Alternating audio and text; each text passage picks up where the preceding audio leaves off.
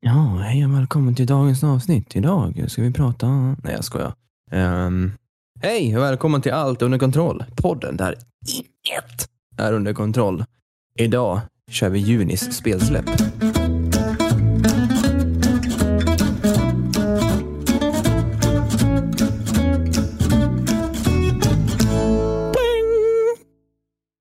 Hej grabbar! God dagens, god dagens. Ja, men eh, fan är det då? Det var jävligt länge sedan. Ja, nej, men kul. Uh, lite spelsläpp. Bra att uh, splitta de här avsnitten så att man får lite andrum så folk inte behöver lyssna på oss allt för länge. Jag tänkte ja. låtsas vara bitter där avsnittet. Jag ska vara skitglad hela avsnittet. Det är fan en ganska spelsläpp och ganska stora släpp i juni. Jag är Fuck. taggad. Det är synd att jag inte har ett uh, PS5. Wink wink. Daniel. Men, ja, äh, ja. köra pyjamasparty här hemma och spela. kan ju vara så att vi kanske kan få en eventuell eh, sponsor som kan eh, skicka lite PS5. -er. Wink, wink. Wink, wink. Så ni? Får inte jag vara naken om jag är hemma hos dig, Daniel? Måste jag ha pyjamas? Uh, går det bra med morgonrock? Du kan vara naken under. oh, Okej okay då. Okej. Okay. Jag tänkte faktiskt uh, öppna upp här Varsågod. Eh, vi hade ju då Jimmy här var det förra veckan och för förra veckan när vi pratade om Warhammer. Och ja. Då nämnde han ju specifikt ett spel som han var väl lite sugen på som är Necromunda Hired Gun som släpps nu den första juni av Strum On Studio. Uh, och som vi pratade om, Necromunda är ju liksom uh, utspelad i en värld. Särskilt i det här spelet så är du i ett, ett typ av ett torn, alltså ett stort torn eh, som är flera tusen våningar högt med flera, jag tror säkert miljoner invånare i det här tornet. Liksom. Lite Judge Dredd feeling. Mm. Alltså med så här, societyn har blivit så liksom att och ju längre ner du bor, ju mer low life är du. Eh, och du är ju en, eh, kommer spela som en, eh, jag tänkte säga en, eh, vad säger man, assassin, en hyrd assassin tänkte jag säga. Typ. Du, mm. du får pengar för att döda specifika eh, personer i de lägre delarna. Det kan vara så att spelet också går uppåt, att man liksom tar sig högre och högre. Det vet jag inte. Men jag tror att man är mestadelen längst liksom, ner i... Ja, man ska väl jaga, jaga bad guys, som jag Precis. Det. Ja. Och eh, du, du får pengar. Du har din hund som är med dig. Jag tror någon jäkla mastiff som är helt galen och dödar folk. Det kommer vara ett snabbt tempo. Det är jävligt våldsamt om man ser till trailern. Lite så här Doom-feeling. Ja, det ser jäkligt fläskigt ut. Ja. Eh, nej, men det, det ser ut som en väldigt spännande FPS-genre och där de också kommer ha en eh, Liksom, du, du, kommer kunna göra snygga så här, transitions med din grappling hook. Du kommer kunna späcka så att du kan springa på väggar. Liksom så här, det, det, kommer vara intensivt. Mm. Uh, jag tror att det man kallar de här, jag kom på det, de här liksom, uh, eh, tornen är till som en bikupestad pratar man om. Liksom, att det är, om man tänker på en, hive, ja. liksom, hur de är uppbyggda. Typ så fungerar det.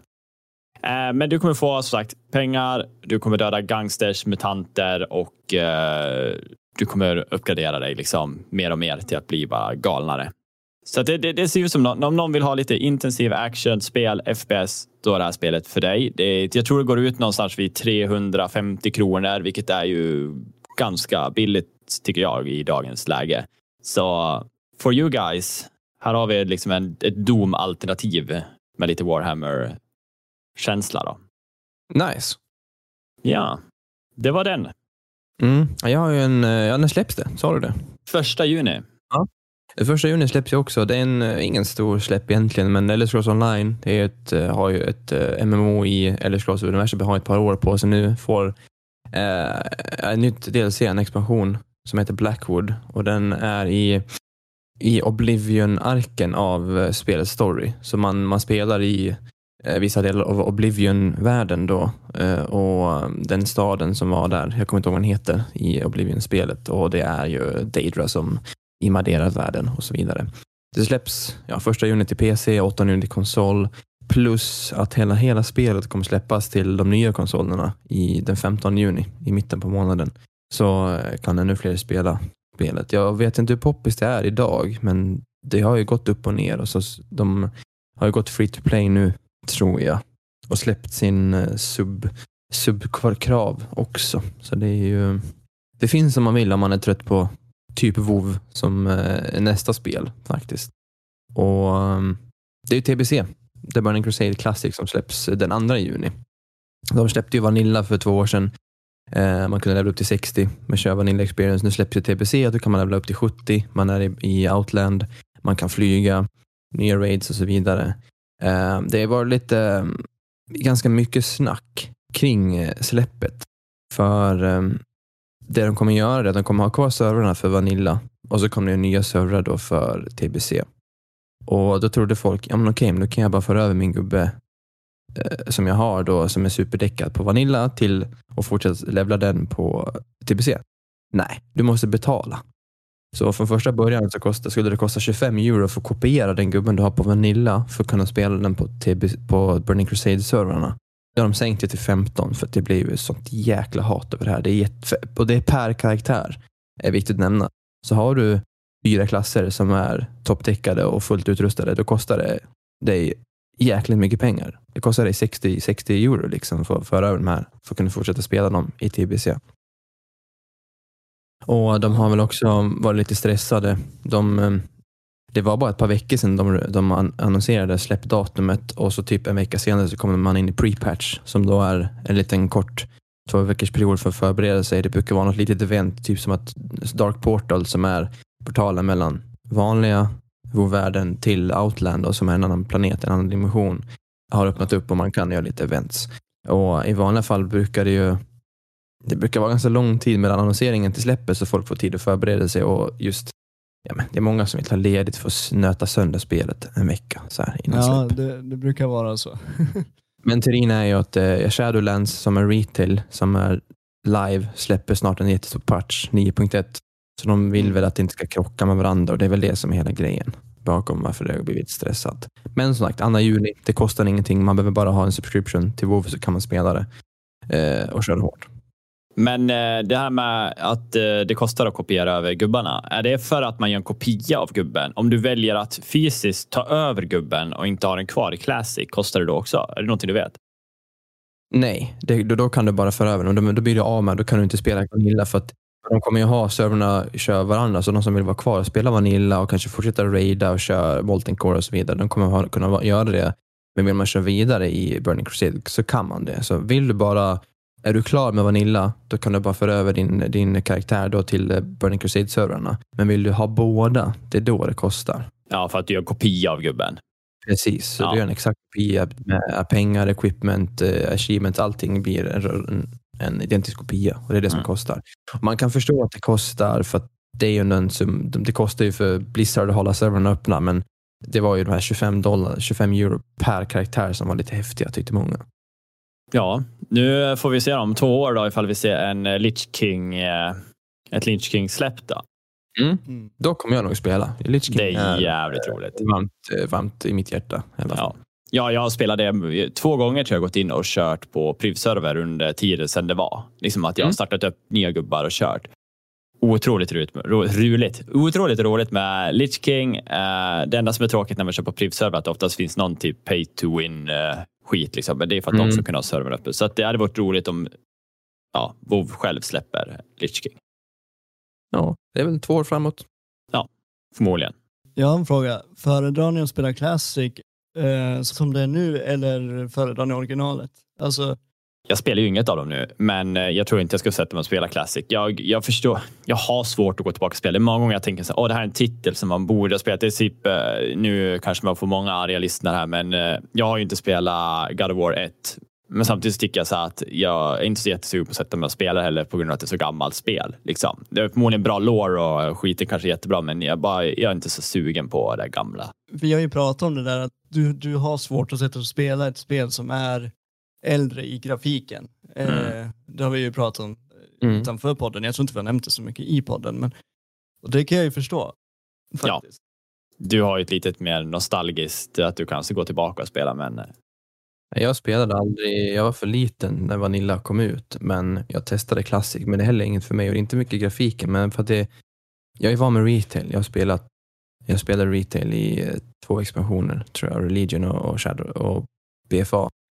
Um, där går, det är väldigt enkelt, det är väldigt snabbt, det är väldigt neddummat jämfört med Classic och Classic är ju väldigt långsamt. Du levlar ju tio gånger långsammare typ, känns det som, än i retail. Och, ja. Men de, för det är såklart, de som spelade Vanilla när det kom ut för 15 år sedan, för de är ju en jäkla throwback och de förstår jag uppskattar spelet för vad det är. Spelet var ju förmodligen lite svårare då på grund av att du ska manövrera 40 manna raider och sånt. Mm. Men kollar man tillbaka faktiskt, helt ärligt. Jag, vi pratar liksom om grafik här och att jag kanske inte vill spela det för att det finns. Men då, då finns det ju spel med bättre grafik. Alltså om man pratar mm. om de nya. Men det är ju spel som håller jävligt bra. För kollar du på när de, när de streamar det så tänker man ju inte på att det där är skapat, vad 2002 typ. Classic släpptes ju. Du kan ju välja att spela med eh, modern grafik eller om du vill spela som det såg ut när det kom ut 2004. Ja, man kan välja bägge. Ja, så du kan spela med ja, men upp, uppdaterade grafikmotorn då och, och, samma, samma texturer och sådär effekter som finns i retail. Okej, okay, det var mer än vad jag visste. Det är nice. Men vad, vad innebär Classic då? Är det svårare? Är det... Alltså Classic var ju, det finns ju mindre saker att göra helt allmänt egentligen tänker över hela världen för att världen inte är uppbyggd med alla mm. quest-system eller questlines. Men det är ändå tillräckligt för att det liksom ska kunna ta dig från 1 till 60. Men det är ju själva, du där typ åka mellan alla zoner för att levela upp det. För att det, det, det finns inte tillräckligt för att bara höfta och göra som man annars gör, att man bara hamnar på en quest. Utan Nej. du lär verkligen sig till den här questgiven och försöka ta den här questlinen som är här borta, flera mil bort. Så att uh, du lär rida dit på ditt mount och du kan inte flyga. Uh, det är betydligt mycket mer liksom uh, Ja, det, det, är mer rewarding kanske att bli 60 minuter. Det tar så jävla lång tid. Det är många som slutar redan när de kommer upp till typ 40. 50 mm. liksom, för att de, de, ja. de, det är för jobbigt. Det, det kan jag tänka mig. Man lär ju ha tålamod kanske. Alltså, för, för en person som inte är ledig tar det flera veckor. Liksom, att mm. upp. Jag pratar ju i, i Vanilla Classic då, att det tar mellan 100 och 150 timmar för en normal person att levla 60. I uh, retail, uh, om du har lite gear och du är lite snabb och du har koll på läget, liksom, då kan det ta 10-15 om du är riktigt duktig, men säg 20-30 om du är casual. Det är en jäkla skillnad. Ja, folk brukar ju ta ledigt från jobbet två dagar och så är de klara, men det går inte att göra på Classic. Nej. Om du inte har en superstrategi och liksom, ja, det går, man men det är inte så ja. Du har inte samma möjligheter att levla fort. Du har inte Nej. mounts från level 1 och sådär, utan det är först level 40. Och det är som David säger, det är, det är questing ofta som ger mycket XP och det är inte samma, det är inte lika enkelt att, att söka dungeons till exempel. Nu finns Dungeon Finder i Classic som det inte fanns när det var nytt, utan då fick du ju gå i städerna och leta efter folk som ville köra en dungeon med dig och det tog en jäkla tid att hitta fem personer som då skulle du också flyga eller, eller springa till eh, Dungeon-ingången för att gå in. I eh, retail med Dungeon Finder, då kan du bara söka fem random pers och så teleporteras du till eh, Dungeonen. När du är klar, då teleporteras du tillbaka där du, där du var innan du, du sökte ah, okay. Så det är ju mm. mycket enklare nu att, att hitta folk. Ja, jo, men jag förstår ju att det finns ju de som tycker om Classic eh, kanske mer också. Mm. Alltså, Ja, men det är bra att det finns båda i alla fall. Så ja. får välja det som passar. Till något annat. Du har ju något, ett Switch-spel. Ja, uh, Winds of Change heter det. Släpps 3 juni till uh, Switch. Mm -hmm. uh, det handlar om att du ska göra uppror för att få tillbaka fred i ett land som är fullt av, av orättvisa och stränga regler. det är typ det man har fått reda på. Och enligt skaparna så har spelet väldigt vacker grafik, eh, väldigt, väldigt vacker grafisk design och eh, eh det, det liksom ska vara bra dialoger och det beskrivs som att läsa en bok eftersom du, du klickar dig fram i spelet och gör olika val och varje val har en konsekvens.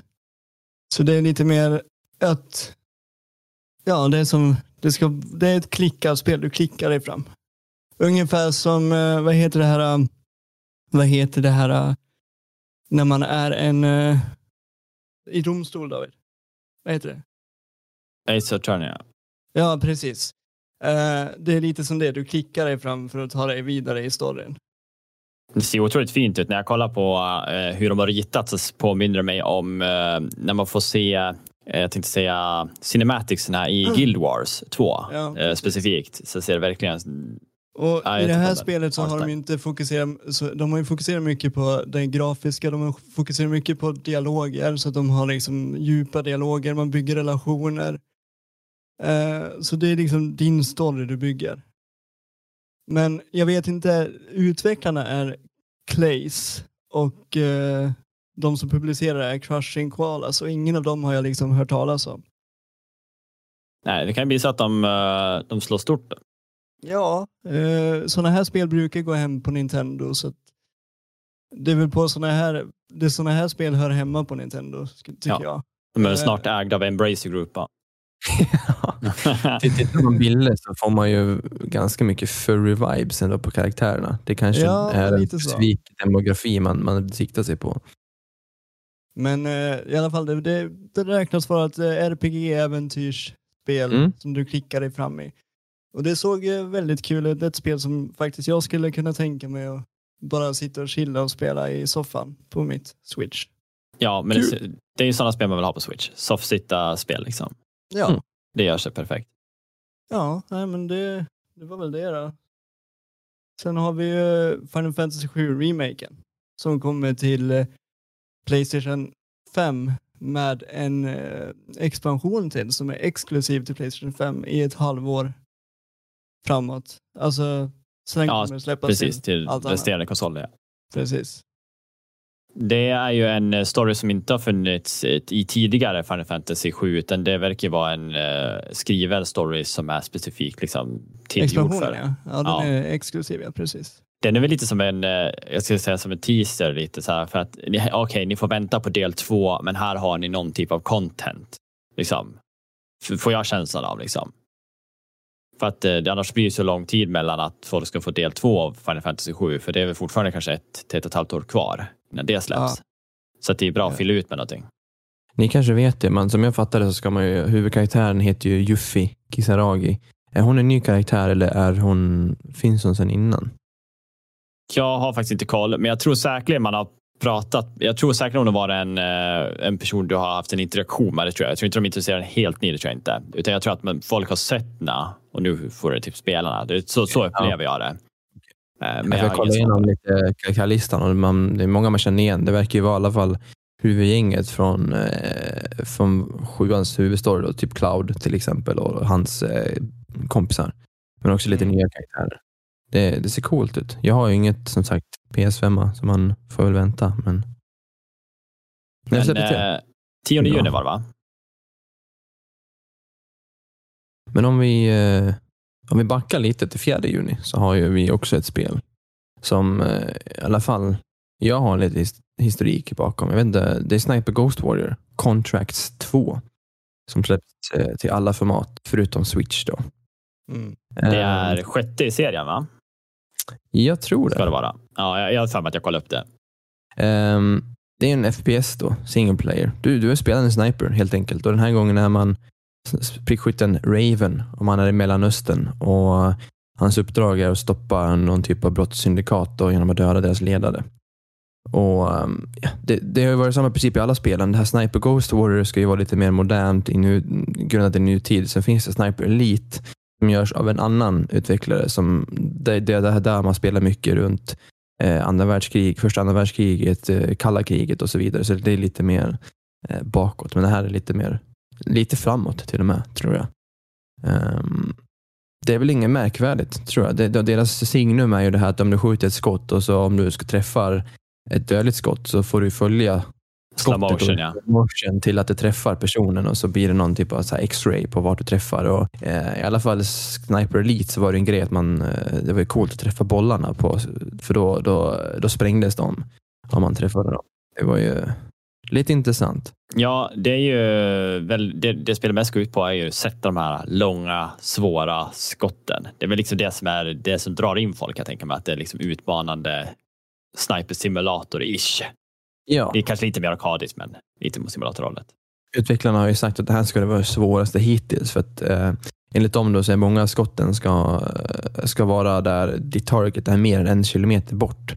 Och um, de har ju bullet drop, du har vind och så här, så du, ska ju, du får ju lära dig hur du, ja, vart du siktar och så här för att du ska, du ska träffa när det är så långt bort. Ja, och de har också uppgraderingssystem. Jag vet inte om det alltid har varit, men jag såg det när jag kollade på traden på det här, liksom, att de, mm. man kan upgradea sina weapons och sådär. Sånt tycker jag om. Liksom, så här, progressen mm. i karaktär, att dina kills sånt där får du förmodligen pengar för, för att det är bounties eller rewards. Liksom. Och sen kunna kasta in det på ett eh, system där du kan uppgradera dina vapen. Tycker jag är kul. Ja, det tycker jag är viktigt. Det, jag såg på trailern och när man tittar så, här, så de lägger också en, en del fokus på stealth. Att du ska, kunna, du ska ju smyga för ingen vill ju hitta dig såklart. Men du ska ändå kunna gå in i närstrid med, med, med närstridsvapen och knivar och sådär. Och, och, och ja, lite dishonored-stil och halshugga folk bakifrån och, och sådär. Um, jag vet inte annars hur mycket närstrid det är, om det, om det är någon open combat med automatvapen och sådär, men det har det varit innan. Ja, men jag fick ju känslan som du sa där också att eh, jag ser kombinationen mellan sniper och eh, vara framme med en silencer pistol och kniv, men det kan ja. absolut vara automatvapen också. Mm. Jag vet inte om det är någonting jag spelar nu kanske. Jag eh, har spelat något av dem innan lite så här kort, men eh, inget jag är supertaggad på. Men det, det är, en, det är en, en, en, stor serie, så det är därför jag ville nämna den. Och något annat som har funnits länge, det är, vet du, Daniel? Uh, om vi pratar om uh, Ratchet Clank. Precis. Uh, ja, Ratchet Clank Rift Apart ska ju vara typ tvåan på uh, rebooten som Ratchet Clank fick för några år sedan till mm. PS4. Precis. Så den kommer ju till PS5. Jag kan inte så mycket om storyn, men det kanske du vet? Ja, alltså det är, det är en tredjepersons plattforms-shooter, Ratchet Clank. Det är, just det här är det 16 spelet i serien. Jag spelade i Ratchet Clank 3 för tusen år sedan på PS2.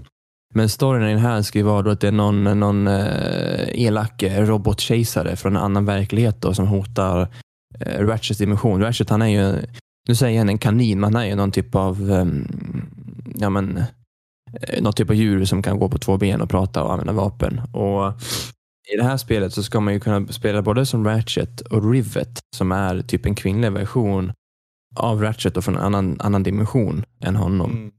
Och um, Stor fokus i, i serien har alltid varit vapen. Det finns jättemycket olika vapen som är spacade på alla möjliga olika sätt. Du kan eh, transformera dina fiender till får, du kan få dem att sväva och du kan få dem att bli du, har svart, du kan skjuta svarta hål och det, det ena med det andra. Och, um, det har alltid varit att du kan levla dina vapen och ju mer du använder dem. Och då får de, det, då blir de såklart starka, men de får, kan få nya funktioner när de blir högsta leveln oftast. Men här verkar det som att du kan levla din karaktär också. Så det verkar bli lite mer ett RPG också. Att du kan låsa upp ja, nya roligt. abilities och sådär. Ja. Så det, det, tror jag. Han brukar ju också ha en, en grappling hook och han har ju en hel massa grejer. Han har ju också Clank, en liten robot han har som är hans medhjälpare. Han brukar sitta på ryggen. Han, han har ju ofta en propeller i huvudet så man kan sväva lite och man kan ha vingar. och Det, det finns en hel... Det, det, det, det är ju lite riktat åt den yngre demograf, demografin, men det, det sätter sig ju ändå bra Men det är ju en, en klassiker som man har spelat sedan ah, ja. man var liten. Så det, alla, alla Sony-spelare där ute känner ju till Ratchet Clank i alla fall. Ja. Jag känner till det, men jag har aldrig spelat det. Det utvecklas ju av Insomniac Ja, förlåt. Nej, det, det flöt förbi mig för eh, jag, eh, jag tror jag pratade om det någon gång förut, att eh, för mig då spelade jag spel som heter Jack and Dexter som för mm. mig var väldigt likt det där. Alltså så här, Ratchet Clank också en companion, det är vapen, det är vingar, ja, men allt det där. Liksom. Mm. Och jag klarade ut trean och älskade och sen kom, då förstod jag väl inte riktigt med på, jag trodde att alla spel kom från samma studio. Jag var ung.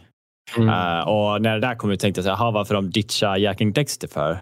För det var ju också på Sony, så det borde vara, jag förstår vad jag menar. Så att för mig det var det liksom så att de tog ett annat spel och bara försökte skapa en ny serie och försökte efterlikna. Bara, äh, det här sög, tänkte jag, så jag spelar aldrig.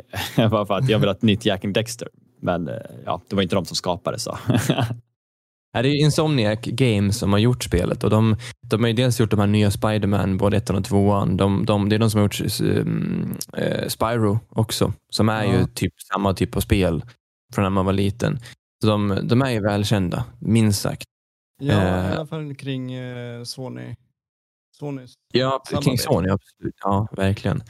Uh, det enda jag reagerade på när jag var inne och kikade, i alla fall på om man köper det på PS Store då, digitalt så kostar det 849 kronor för normalutgåvan. Ja, det är fan är häftigt, men vi har pratat om det innan på podden att det är ju där det är på väg att gå. För att de behöver tjäna pengar och det blir dyrare att tillverka spel. Men ja, så är det. Så jag tror så att de här första par åren innan man vänjer sig vid att det är så dyrt så kommer det nog bli man chockad varje gång. Sen är det, jag, Svida till i plånboken.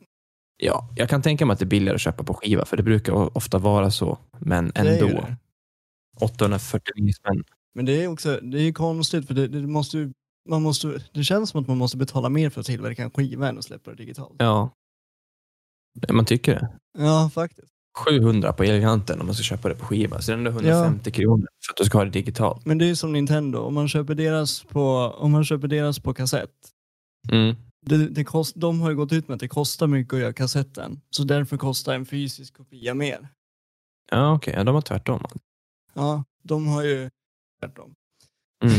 I övrigt så ser det ju snyggt ut. Det är ju väldigt färgglatt och, och väl Just för att de jobbar ju tätt, det är ju Sony som släpper det, så de jobbar ju tätt med ja. Sony. Så jag tror att de kommer kunna använda, det är ju lite av en launch title som är lite sen kan man ju säga, som eh, jag tror eh, kommer utnyttja PS5 ganska bra. Ja, men jag tror också att den kommer få PS5 att bli ännu mer eftertraktad. Folk älskar ju uh, Ratchet Clank. Det är väl det PS5 man har över Xbox. Det är ju lite mer exklusivt så länge, för att hårdvaran i, i Xbox ska ju vara lite starkare. Som ett ja, exempel på det här med, med med Biomutant vi pratade om, att de, PS5 man inte pallar köra 4K. Nej, nej. Eh, inte på det spelet. Nej. De klarar det på sina spel, för de är ju mer optimerade för just deras konsol. Ja. Ja, Sony äger väl Insomniac tror jag, så det är väl... Ja, de gör ju det. Annars, de har ju haft ett samarbete med dem i alla år. Så. Mm. Borde de väl göra. Det är väl ett dotterbolag eller så tror jag. Kanske. Jag tror det. Eh, ska vi se. Ja, men samma dag, 11 juni, har väl du ett spel som släpps? Lumberhill? Ja, det är lite mer ett indie-spel, Lumberhill.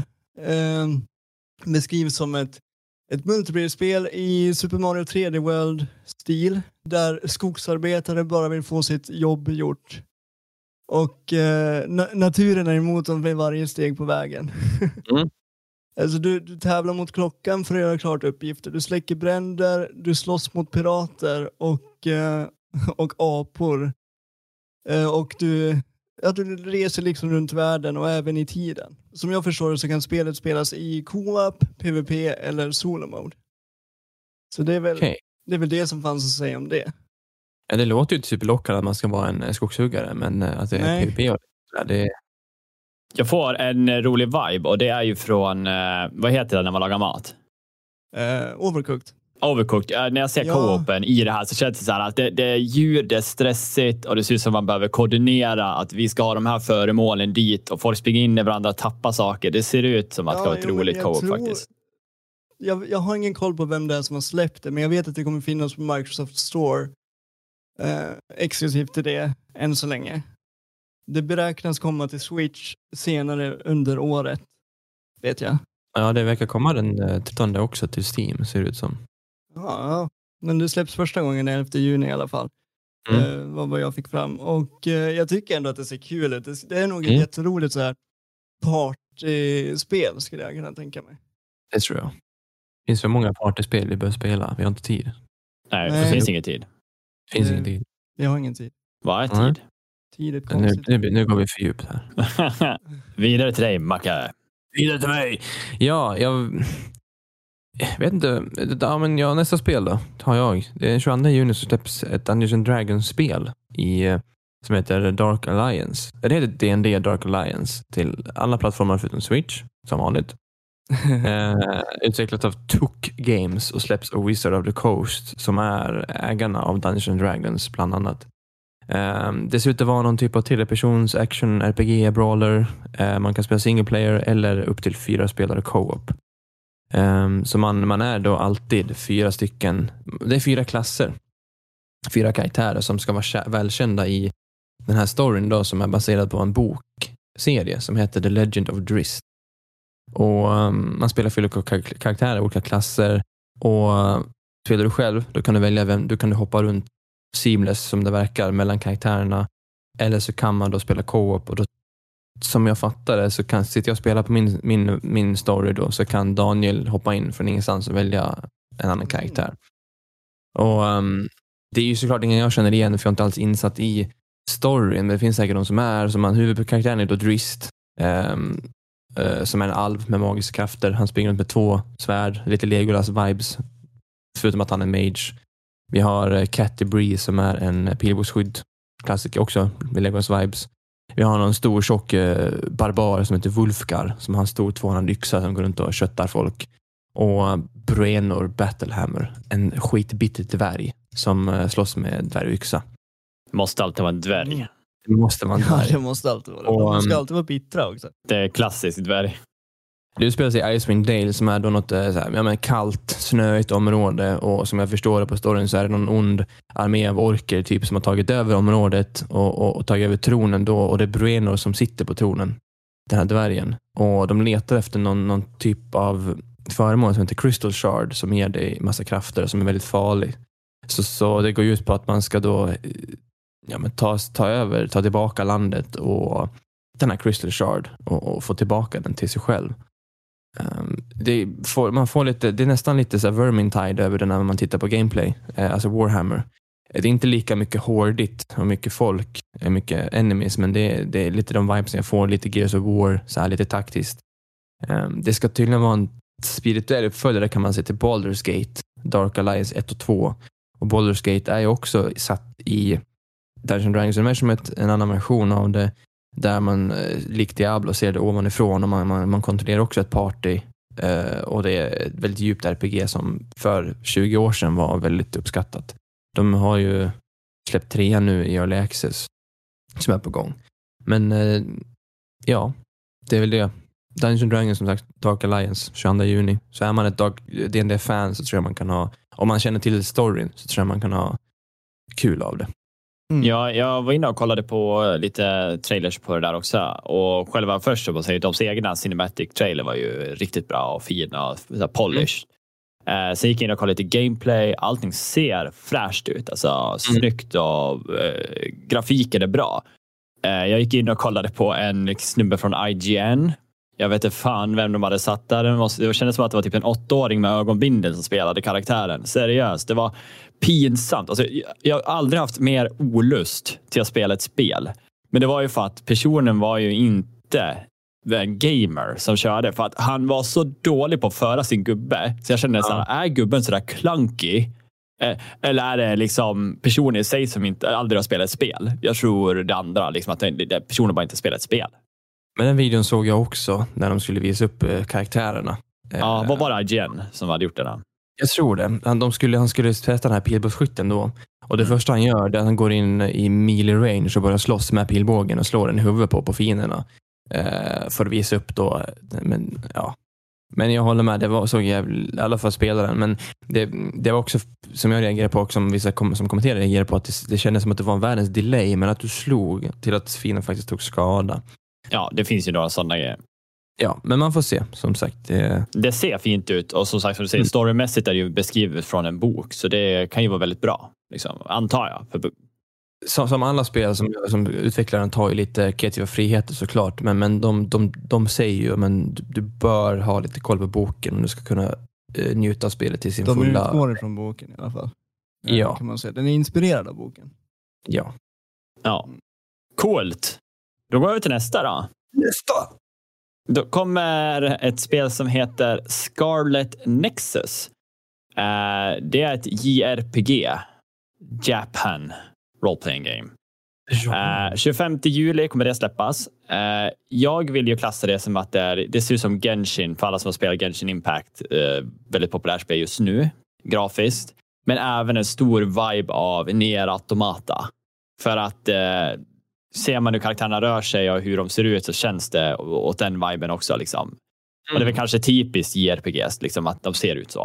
Uh, I det här spelet så kommer man spela, man får välja mellan två karaktärer. Då. Ena är Joito Sumare, Sumarege eller Kazan Randall. Bägge de här två är med i en, uh, vad ska man säga, en styrka som heter uh, förkortningen OSF och det heter Other Suppression Force. Så den här världen har blivit eh, till säga korrumperad. Det har kommit eh, olika typer av monster som de kallar för others. Eh, klassiskt namn. Alla har väl ett monster som heter others. Nej, jag bara skojar. Nej, men vilken som. De här två då, de eh, är med i den här styrkan och de har en typ av eh, vad ska man säga, då, kraft som är psykokinesiskt, att de kan lyfta föremål via liksom, tankekraft, då, slänga och sånt där. Då. Samtidigt som de har sina styrkor av eh, killen man spelar har två svärd och en close combat snubbe medan eh, tjejen man spelar är en lite mer long range, har lite så här fan, eh, knivar hon kastar och kan ta tillbaka då, med, med liksom sin psykokinesis kraft. Då, liksom. Och de här gubbarna har två olika stories kan man säga. Så väljer du den ena så kommer du gå åt ett håll liksom, och få olika interaktioner med vilka som kommer bli din lilla, ditt lilla party. För du kommer få fler personer som joinar in i ditt party som kommer vara med och slåss. Måste man välja en av, en av karaktärerna? Ja, så du väljer okay. en och sen kan det ju vara den andra nästa gång du spelar igenom det. Eh, de kommer ta sig till olika points där de kommer göra samma saker så att folk som har spelat det säger att det känns lite som att man kommer till lite liknande positioner där man gör typ lite liknande pussel eller lite liknande eh, scener liksom. Men eh, det är väldigt mycket också att man är avsides liksom.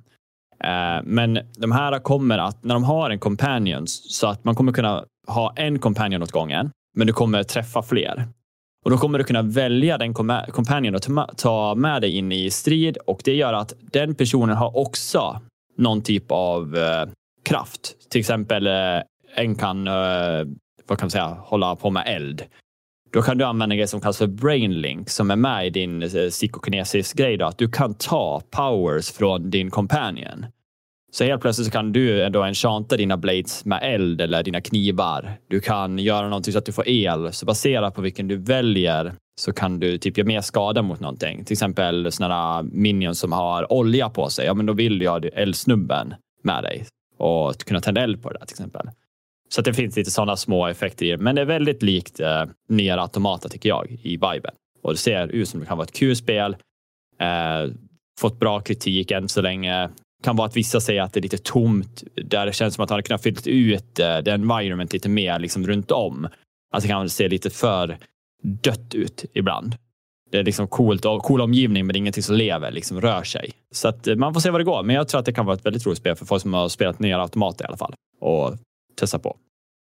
Sitter och kollar bilder här. Det ser ju det ser väldigt snyggt ut. Det ser nästan handritat ut. Alltså, ja, verkligen. lite som att det är en, en, en anime. Det var viben jag också fick. Mm. Mm. Verkligen. Nej, men så det ser roligt ut. Över till dig Daniel. Danielo. Det här är mitt sista spel som jag har för månadens spel. Vårt sista tror jag. Vårt sista överlag, ja. Precis. Uh, det är Mario Golf Super Rush till Switch och jag har upptäckt att jag har många Switch-spel på min lista, men det är bra. Switch ska uppmärksammas. ja, för det gör inte jag. Eh, nej, men, men eh, då är det så här, vet du, det, det är ett typiskt Mario Golf-spel. Du spelar golf med Mario-karaktärer. Inte mer än så faktiskt. Eh, men det här spelet har en liten twist. För att det finns ett nytt spelläge där som heter Speed Golf. Därav namnet Super Rush. Det, det går till så här att du ska slå till bollen och springa. Och Det handlar inte om att du ska vara den bästa golfaren utan du ska vara snabbast in i mål. Eller ja, in, du ska sätta den i, i, i hålet. Då. Men eh, du ska liksom slå till bollen, springa, slå till bollen, slå, springa. Så det handlar liksom inte om att du ska eh, ha färre slag på bollen eller så, utan du ska bara först in i mål. Och längs vägen så finns det Eh, power-ups som vi alla känner till. Det kan vara mushrooms, det kan vara skal, det kan vara bananskal, det kan vara lite allt möjligt. Så du ska kunna förstöra för de som de du spelar mot. Så det är som Super Mario Kart med i golf, fast man, alltså man springer och gör grejer för att interrupta varandra. Och så ska ja. man slå en golfboll. Precis. Så det, det, är det nya spelläget. Sen kan du såklart spela vanlig golf också, för den delen. Uh, men det här är ett nytt spelläge som de blandar in. Och det är som, som David sa, det funkar som Mario Kart fast golfstil. Och allt är tillåtet för att du, just du ska ta dig till mål med din golfboll. Vad roligt. Kan jag slå bort andras bollar för att göra det svårare för dem? Det vet jag inte. Jag tror inte att du... Jo, du kan ju förstöra för dem. Du kan ju få deras boll att flytta sig med hjälp av power-ups och du kan ju bli starkare och så. Nice. Så jag tror att det, kommer, det här kommer ju precis som Mario Kart skapa mycket dispyter i hemmet. du, det var roligt om de hade lagt till uh, ringfit så man kunde springa med benen. ja. Jävlar vad man hade fått motion. Jag hade kubbat järnet ja. Ja, men absolut. Ja, men kul. Det är roligt att se en ny liksom, modell av uh, golfspel faktiskt. Ja, alltså Mario Golf, mm. har Mario Golf har ju funnits länge, men det har ju liksom, det har ju varit Mario Golf. Ja, men det är bara golf liksom. Ja. I, i, i, med Mario-karaktär. Nu knackar det på min dörr, så om ni bara vill avbryta eller ja. Ja, nej, men vi kan avsluta här. Eh, som vanligt, följ oss där poddar finns. Eh, vi finns på Instagram, Facebook, där eh, eventuella tävlingar kommer dyka upp, så slå en like där också.